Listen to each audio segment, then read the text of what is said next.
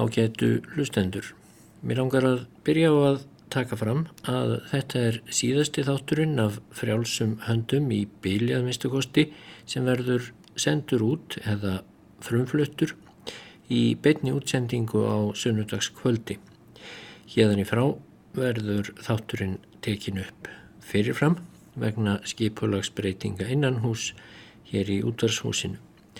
En af þessu tilifni þá er ég um, heldur meiri lund og ætla að beðja tæknimannin Mark Eldred að spila um miðbygg þáttarins, það lag sem ég spilaði hvað oftast þegar þessi litla þáttaröð var að hefja göngu sína hér í útvarpinu fyrir 30 og ansi mörgum árum.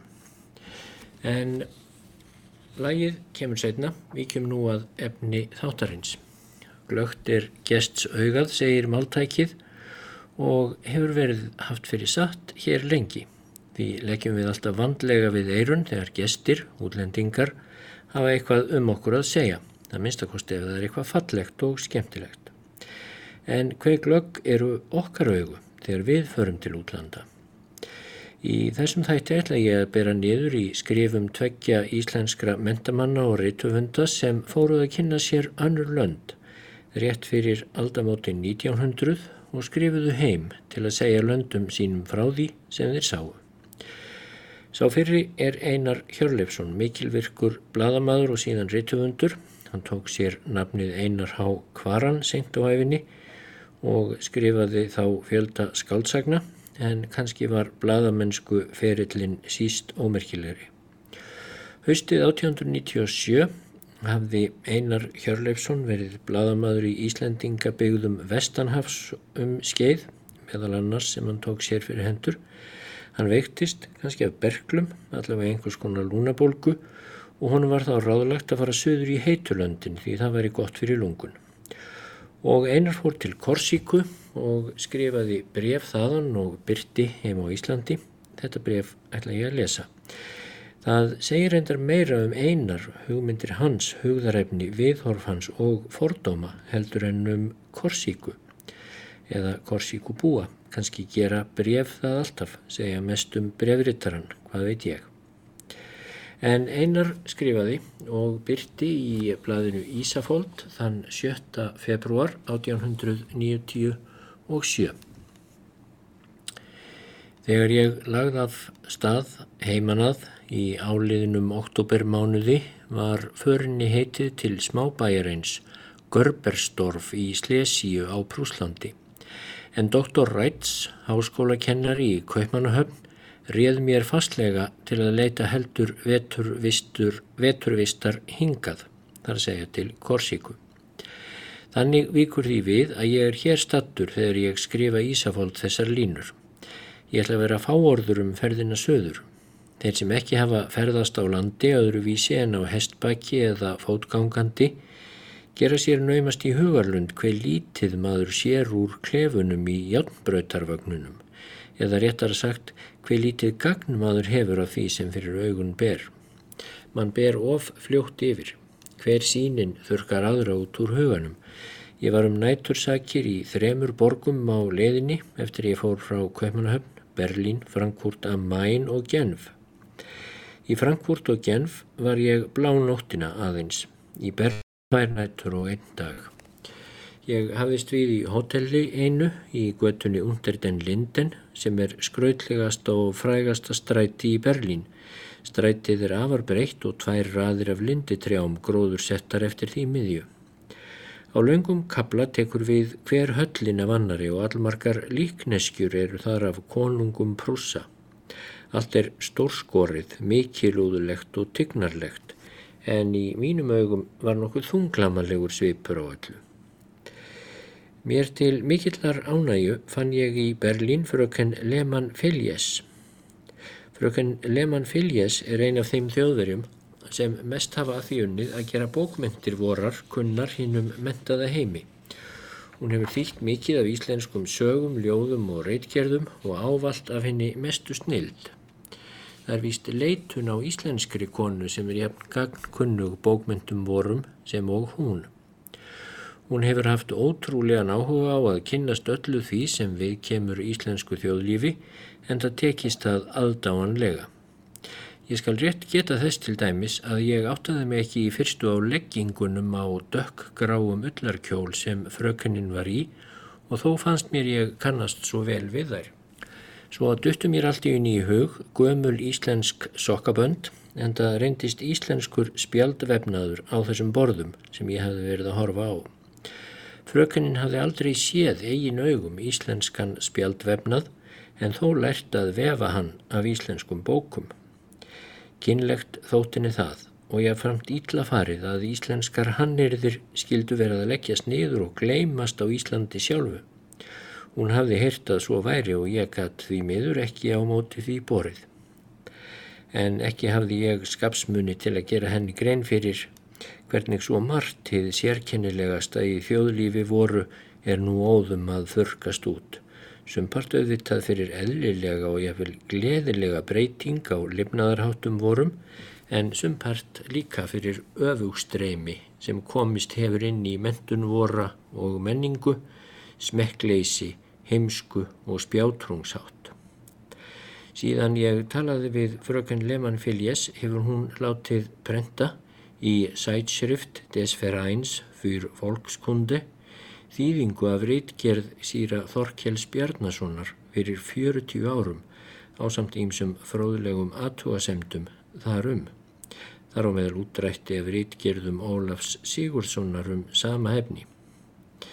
Getum á þess að fyrir all mikið af hennu íslenska bókmentastarfi sínu hefur frökannin engan eiri fengið og er því meiri ástæða fyrir oss Íslendinga að bera til hennar hlýjan og þakklátan hug. Af öllu því sem ég átti von á að sjá á ferðinni, söður um Evrópu, hlakkaði ég einna mest til að sjá Sviss. Ég verða að segja að þær ánægu vonir brúðust að eigi all litlu leiti. Fyrir Íslenskt auga voru fjöllin of þétt, dalinnir of kreftir, útsjónin of lítil þar sem ég fór um. Um mestallan Róndalinn í Fraklandi fór ég í myrkri en það sem ég sá af honum þótti mér ljómandi fallegt. Það ræður að líkindum að með svo að segja viðstöðulausri ferð geti menn lít skengstinn í þjóðlífið. En eitt atriði getur þó ekki dölistmanni. Fátæktinn fer að verða augljósari, öreigarnir láta meira á sér bera þegar að miðjarðarhafinu dregur. Norðan til jálfunni verður ferðamadurinn engrar örbyrðar var nema hann leiti aðinni. Í Suðurlöndum finnst manni fyrst í stað að ekki verði komist þverju fótar fyrir henni.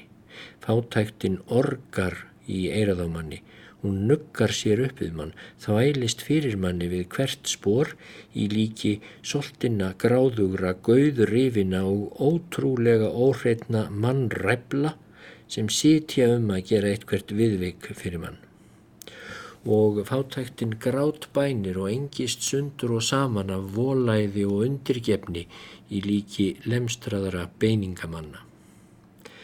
Hvergi á ferðminni var þessi söpnuður jafn þreytandi eins og hjáttbröytarstöðunum í Marseille og kom ég þó þangað klukkan hálf sex að morgni. Þar hengu hvarvetna áminningar til ferðamanna á frönsku, spænsku, ítölsku, þísku og ensku um að gelda varhug við vasaþjófum. En ekki virðist mönnum hafa hugkvæmst það ráð sem þó er óneitanlega einfalt að útiloka bara þennan líð frá jötbrutarstöðunum. Á Þýskalandi, að minnstakosti í Berlín, er eftirlitið ólíkt meira. Þar get ekki einu sinni ökumenn left ferðamönnum upp í vagna sína á jötbrutarstöðunum nema þeir hafi áður fengið leifi lögreglu þjónana til þess í hvert sinn. Ég hafði ætlað mér að fara með gufuskipi frá Marseille til Ajaccio, höfuð staðar Korsíku, en það var ný farið þegar ég kom og ég hefði þurft að býða þess þrjá daga. Ég tók því það ráð að halda norðaustur með ströndinni til Nissa því þaðan gatt ég fengið far samdægurs. Mikill hluti af þeirri leiðir fagur mjög, skói vaksinn fjöll á aðra hönd og speil slétt en heiðblátt miðjarðarhafið á hina. Nissa er fallegur bær, hótel skrautleg, skemmtigarðar, dýrðilegir, pálmar á göttunum sem eru óumræðileg príði og tíguleg fjöll umhverfis nema hafið sunnan við.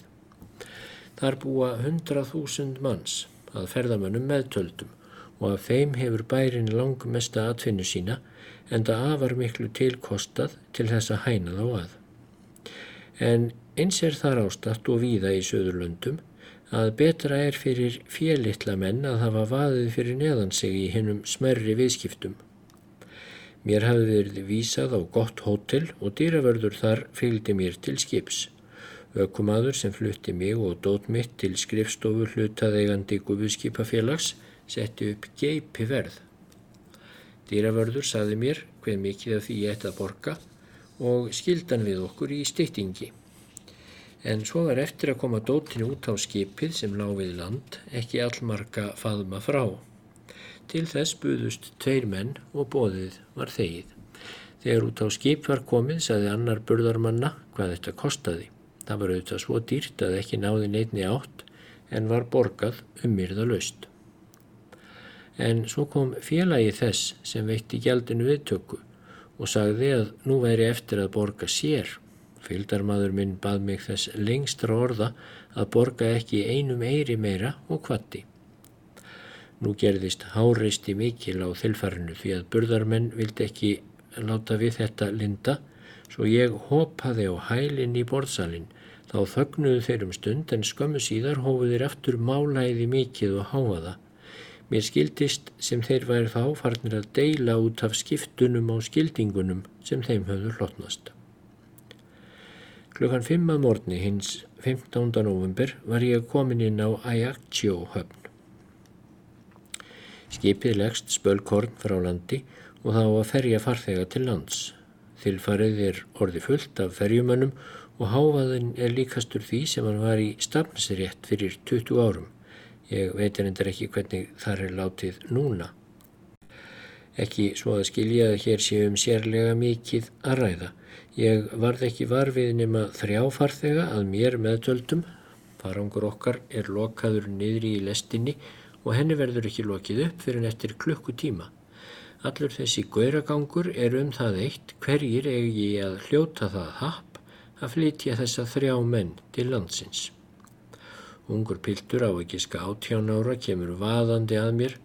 Hann er kvallegur og einbeittur eins og berserkur Hann spyr hvort ég vilji láta flytja mig á land. Já, ég ætla til Bellevue hótelsins. Hann segir að ég skuli fyrir alla lifandi muni ekki fara með neinum öðrum en sér því hann sé einmitt frá Bellevue. Hann rópar eins og skipstjóri í storfiðri og hendurnar á honum ganga eins og milnusbaðar í síðasta streng.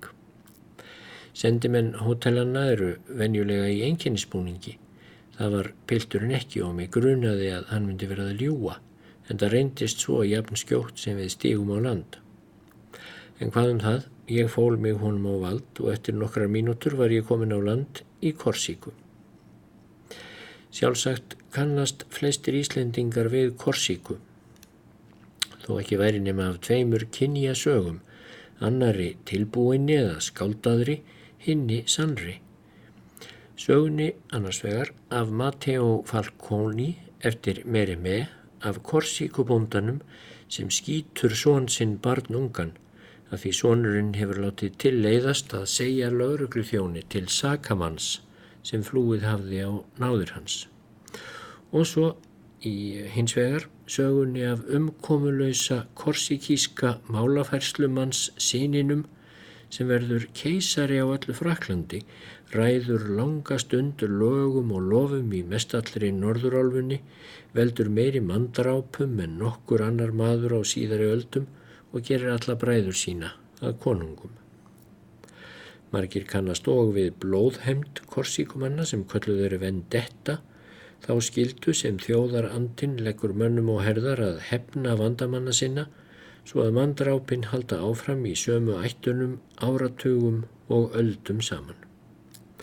Í einu orði, Korsíka er nafnkendust fyrir manndrápin og það er enginn furða. Korsíkumannum ekki, veitist ekki eins örðugt að hlýða neittni skipan eins og fymta bóðorðinu. sem kennir að þú skalt ekki mann deyða. Skömmu eftir að ég var hingað komin skýrðu blöðin frá sex manndrápum sem gerst höfðu sama daginn hér í eiginni. Þegar þess er gætt að eigaskeggjar eru ekki nema um 279.000 þá er það óneitanlega vel að verið á einum degi. Á hinbóin hafa korsíkumenn ímsa kosti.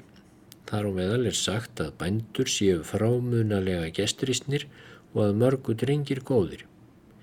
Einn fyrsta bókin sem ég tók mér fyrir endur að lesa þegar hingað var komið var Korsíkusaga einn eftir Alexander Dumas eldra. Hún á að hafa gerst nokkrum árum fyrir miðja öldina þá 19. og svo að segja byrjar á þeirri staðhæfingu að, ó, að óhætt séð binda gullsjóð við nakkin sinn og ferðast með hana um alla Korsíku, eigi skeggjum dett ekki í hug að ásælast gullið.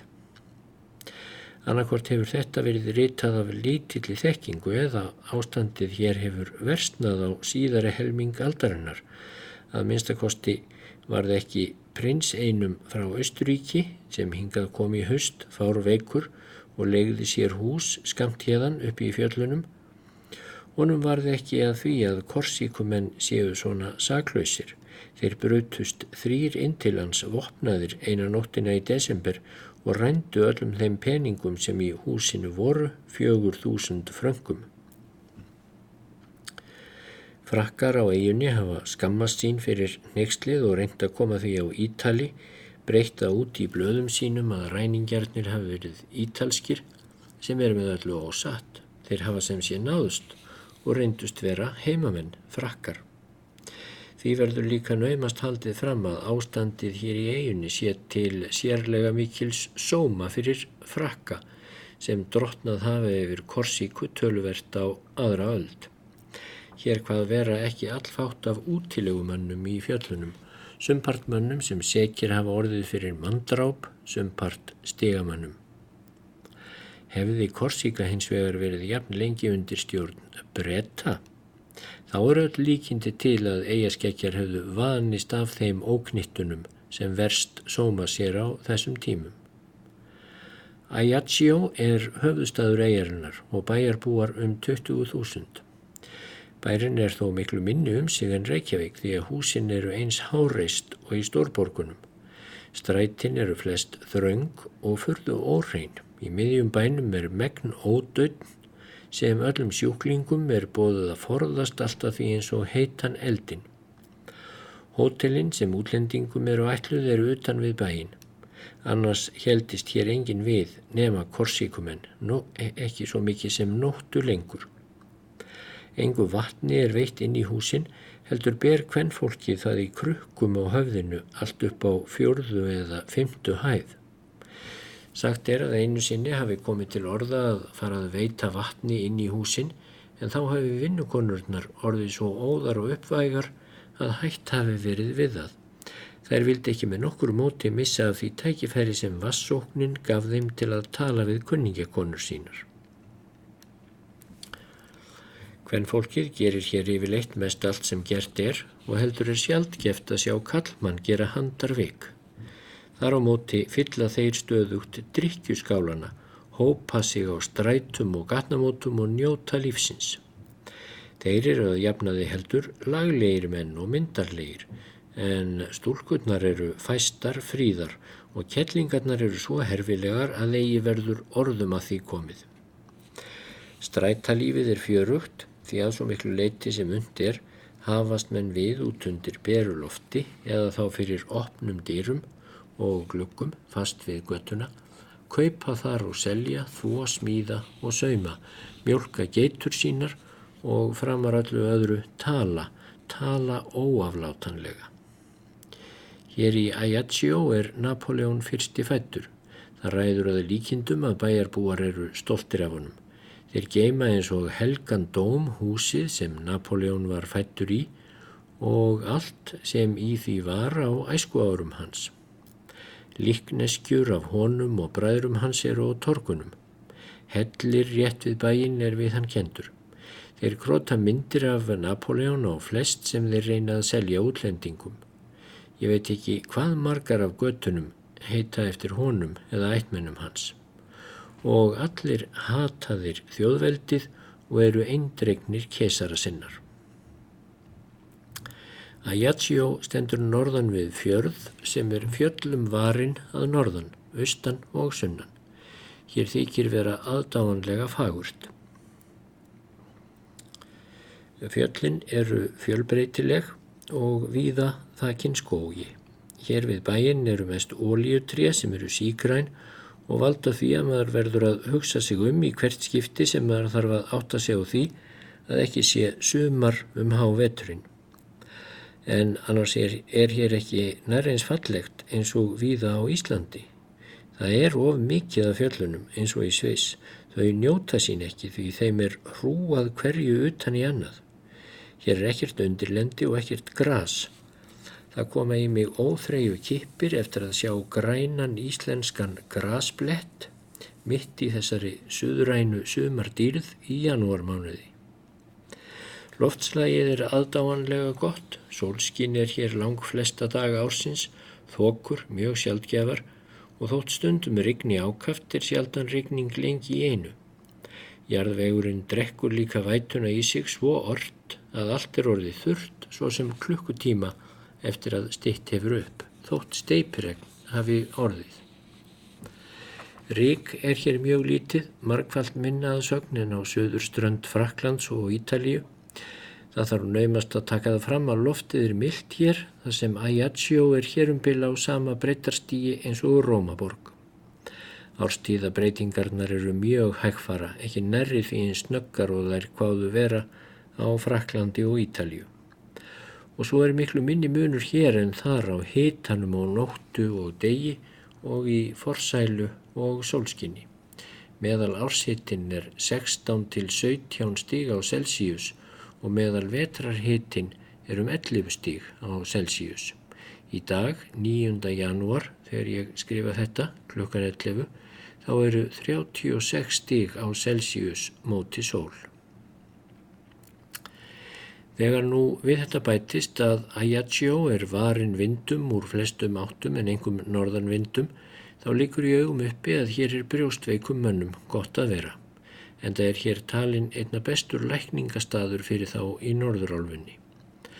Aftur á móti þykir loftið hér naumast einsholt tiltullega fyrir heilbreyðamenn, því að það er allt annað en fjörgandi, menn verða hér latir og værukærir, og margir kvartundan því að meldingarfærin komist í óreglu. En sama mun reyndar meg að segja um allmarga staði í Suðurlundum.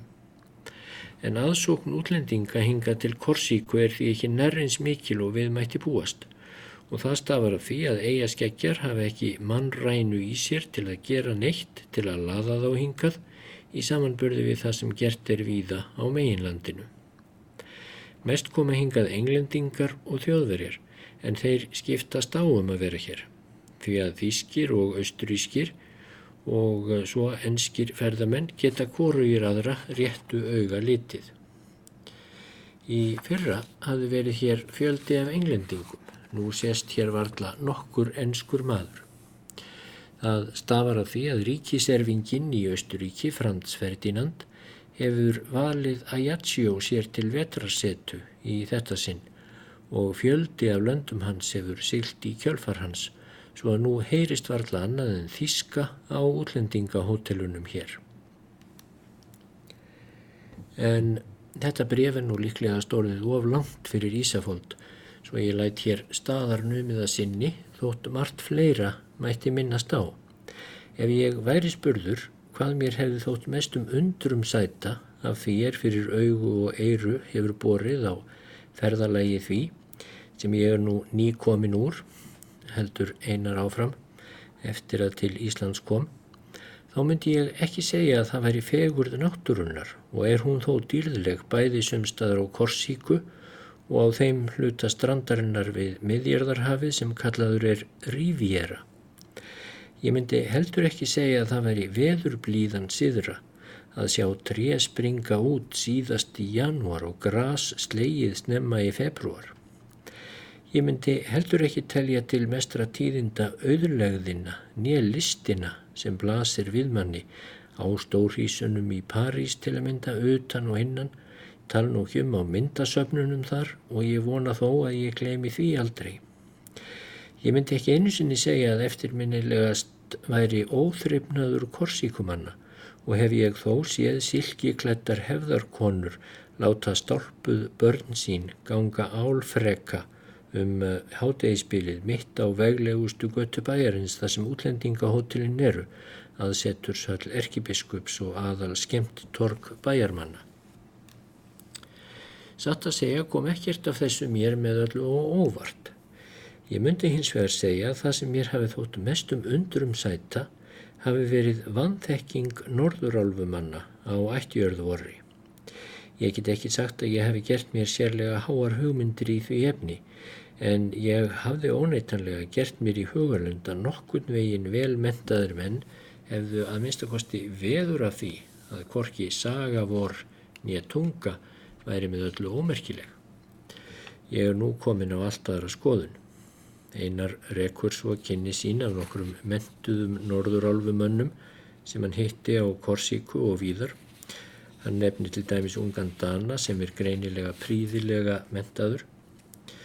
En svo segir Einar, ég var þess aldrei var að hann vissi lífandi vitund um þetta land Ísland, annað en að hérðan kemi saltfiskur og gerðsamlega óætt saltkett og að hér væru voðalegi landskjáltar en um hinn sænska Snorra Sturluson vissan þó eitthvað.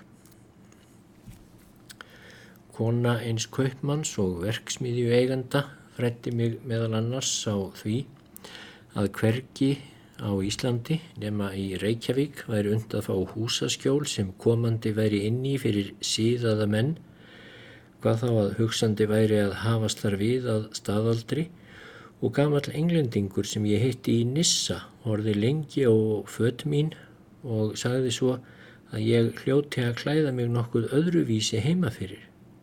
Hvers vegna þá það, spurði ég. Nú hvort menn gangi ekki jafnaðarlega í selskinnum á Íslandi til að verjast kuldanum, sagði Kall en jáfnframt hef ég komist að raunum að það sé furðu auðvelt að fá menn til að hlusta með aðtikli á frásagnir um Ísland og Íslendinga.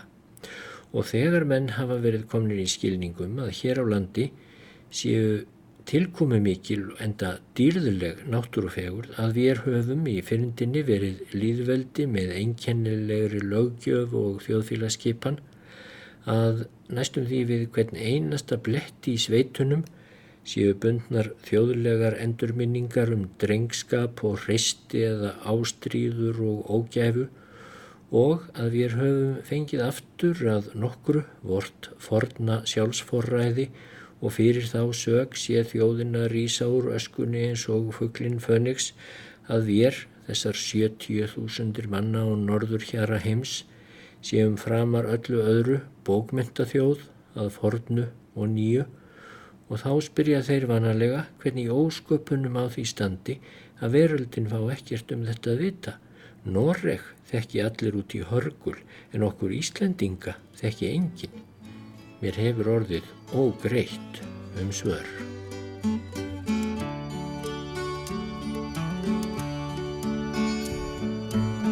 If you see her say hello She might be Tangier. She left here last early spring, is living there, I hear. Say for me that I'm alright, though things get kind of slow. She might think that I've forgotten no, to tell her it isn't so.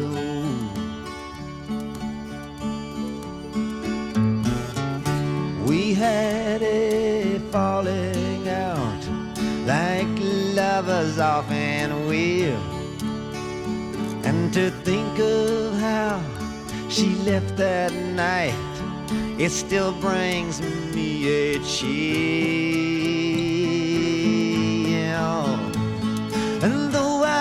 separation.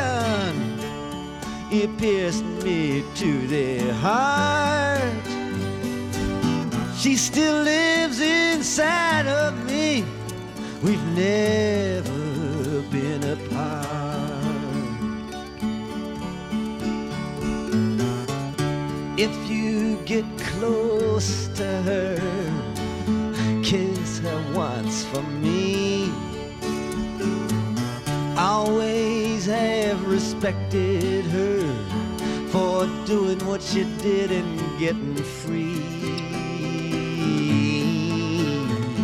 Oh, whatever makes her happy, I won't stand in the way. Oh, the bitter taste still lingers on from the night I tried to make her stay.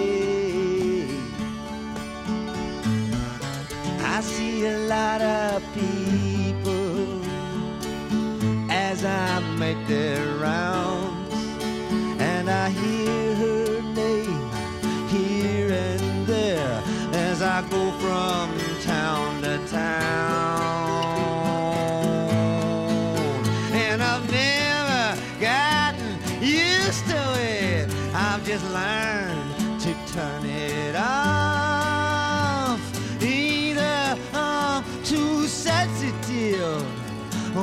or I'm getting stalled.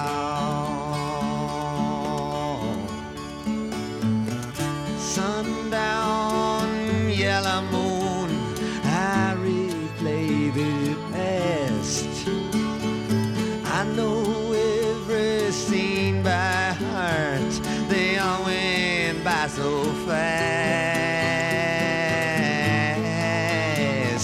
If she's not that hard to find.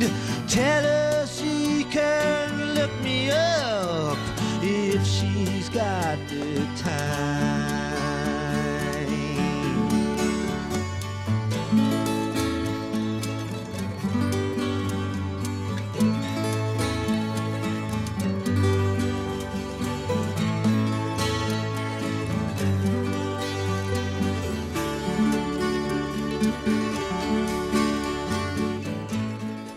Tveimur árum áður en Einar Hjörleifsson var á ferð á Korsíku þá fór nafni hans Einar Benediktsson í heimsókn til London og hann skrifaði grein um það ferðalag sitt í, og byrti í Sunnanfara 1895. Þar segir Sunnanfari, ég hef lengi ætlað að senda þér gömlum góðkunningja mínum línur frá henni miklu Babylon brettaveldis. En ég hef með ásetningi dreyið til þessa dags að skrifa þær. Þú sérð að þetta er bísna bölvanlega skrifað, en það sakar ekki því þú prentar vel. Orsvekinn til þess að stafirinnir eru skjeldir og skakkar allar línur, hún er svo að vagnin hristir öll mín tæki svo ég verða að sæta lögum til að stinga blíjantinum niður. Ég hef verið um hálft misseri í Lundúnum og er nú á norðurleið, heimleið, með játnbröytarlestinni flugskotanum. Feit bungubreið akurlönd líða fyrir augað. Fylkingar af beinvöxnum trjám stíga hljóðan dans fram aftur hver gegnum aðra. Hér og þar sjást kúahjarðir, barnahópar eða þreytulegir starfsmenn líta upp allar að snöggvast meðan ormurinn langi geysar framhjá með eldkvási og löngu dökku reykjartakli. Ég læt aðrar myndir líða fyrir andans augu. Mínir auðsælu bresku brautarkongar mega herða sig svo sem þeir geta og beita öllum öflum sem kunn eru millir heimins og jarðar fyrir kerurnar en þeir aka þó aldrei hálfa leið af því sem hugur minn flýgur yfir í einni andrá. Ég sé í anda ótal andlit, heyri ótal hljóð í hinnu endalösa sívakandi miljóna díki sem er nefnt nafni einnar borgar en er í raun réttri þyrping af mörgum stærðar borgum og heita Lundúni. Ég sé og heyri yðandi ara grúa af lifandi verum í ginnunga gapi sem ringar sig um mig á alla vegu, en smám saman verða einstakir svipir skýrari, einstaka endurminningar ljósari og allir viðburðir og andlit raða sér utanum þráðin í þessum hluta minnar æfi, minnar sögu sem ég hef lifað í henni miklu veraldar borg. Ég á heima á takmörkum norður og vesturlundúna, leið mín likur daglega gegnum feikna mikið aðalstræti sem skiptir þessum hluta bæjarins í tvent eftir endir löngu. Ég legg af staðum miðaftan til þess að sjá, heyra og finna lundúnalíf undir ljósum. Ég hef fundið keim af því um bjarta og sólheita vordaga en mér falla kveldin betur og úr því rúm hef ég ei til þess að lýsa nema einhverju litlu þá vel ég mér það hér sem mér verðist einkennilegast og auðveldast að skrifa fá orð um. Í fylg með mér er nautsterkur þryggja álna bretti, heimilismadur minn. Hann er higgin og hræsnisfullur eins og brettum er lægið en tröll tryggur vínur vina sinna. Það er laugardags kveld Óhljóðinn í sölu skrilnum keira fram úr hófi. Klunnalegir vagnjálkar með hlemmihótum draga hvern farminn á eftir öðrum í endalausri þvögu í vagnunum og ofan á þeim sittur sót kámugur rifin vinnulíður. Menn er á leið heim frá verkstöðunum eða veitingahúsunum Þar sjást menn af öllum stjettum standa innan um þorpara og druknar skækjur og kvolva í sig bragð íllum áfengum slagbjórum. Við getum naumast þverfótað á stjettinni fyrir tróðningi. Allt er nú á yði sem vettling getur valdið. Fjörlegar og fríðar stelpur láta leiða sig af hálfvöksnum piltungum, skelli hlæjandi og með ótvíræðum augnagotum. Hinn mikla helgi kvildardagsins er á Englandi yfir öllum og öllu frá því kvöldir komið á laugardegi. Við göngum fram hjá einni helstu hjáttbröytarstöð bæjarins, þar þjóta bröytarlestir í gegn á hverri mínútu sólaringin út. Rétt á móti, hínum einn í strætinu, liggur illaklættur maður, flötum beinum á gangstjettinni. Steinþegjandi, berhöfðaður, og réttir fram hattin. Á báðar hendur við hann eru málaðir tíklar og grjótið með krít, kóli og litum. Málverkin eru í raun réttri allt of góð til þess að liggja þar fyrir hunda á fótum. En málarinn fær eftir vil meira verð fyrir verk sín á þennan hátt en margur meðal listamaður í Kaupmannahöfn á henni frjálsu síningu þar. Við þurfum að koma við hjá rakaranum okkar. Hann er pólveri og talar öll mál með forkunnar lipru tungutaki. Rakararnir í búðinni eru alls sjö, kvítklættir, uppkemdir með ángandir smyrslum og ákaflega stimamjúkir. Ég er svo heppin að lenda í höndunum á pólverjanum, sjálfum höfuðpörnum. Hann rakar best þeirra allra og er málugastur og fróðastur og skarpgáfaðastur allra rakara sem ég hef hitt og það er mikið sagt. Hann sleppir ekki lótunni meðan á raksturinnum stendur, hendurnar eru á flegi ferð og utanríkismálefni, þingræður, skilnaðarmál hjóna, síðustu húsbrunar og sjálfsmorð þjóta um eirun á mér. Allt veður á honum. Þó er honum engum tíðrættu um Óskar Villimann sem síðustu mánuði hefur verið umtalsefni alls Englands. Óskar Villimann var sakaður um gríkjasindina og er nú dæmdur til tiftunarhús þess vegna. Hann hefur verið álitinn einnin helsti og frjálshugaðasti meðal enskra ryttufunda. Og mæntanlega þarf ekki að taka fram að eh, sá maður sem eh, Einar Benediktsson kallar hér Óskar Villimann var Óskar Wilde og Gríkjasindin er samkynnegð. En Einar heldur áfram, svo rennum við niður eftir lengra, lengra átt til miðborgarinnar Bærin er feikna mikill, álíka mikill ummáls og borgundarholmur og með fleiri íbúum en öll svíþjóð á. En miðsvæðið sjálft, þar sem allir hinnir þungu þú, þúsund stræta ströymar mætast í einni ring yðu, er skamt yfirferðar. Hvort heldur er í Babilón við Tempsá eða Eirarstund. Lóksins komum við niður í mesta hefðarstræti Lundúna sem heitir Piccadilly, Sindin má kalla það. Þar er megin markaður hinnar voðalegu ríkilátu mannskemdar í Lundúnaborg. Ljósinn tindra yfir okkur, þjett, björt í beinum röðum. Eftir stjettunum líður hægur, breyður ströymur af skrautklættum stórborgarlíð. Fraknesk orð heyrast við hvert fótmál og dökkbringdar kvatskeitlegar konur, smurðar og litaðar bjóða sig í kapp við landsins eigin dætur. Blámenn, japansbúar og indverjar í norðurálfuklæðum og sniði nýrar tísku keppa við kallfólkið frá Breitlandsegjum. Vald gullsins hefur læst sig út í allar taugar þessa félagskapar. Hér eru seldar sálir og hjörtu fyrir utan glitrandi vörubúðir af öllu veraldar tægi. Allt er bóðið upp rétt fram undir fætur hins almáttuga gullkálfs nema fríður og félagshamingja. Slíkt er ekki fallt á þessu torki.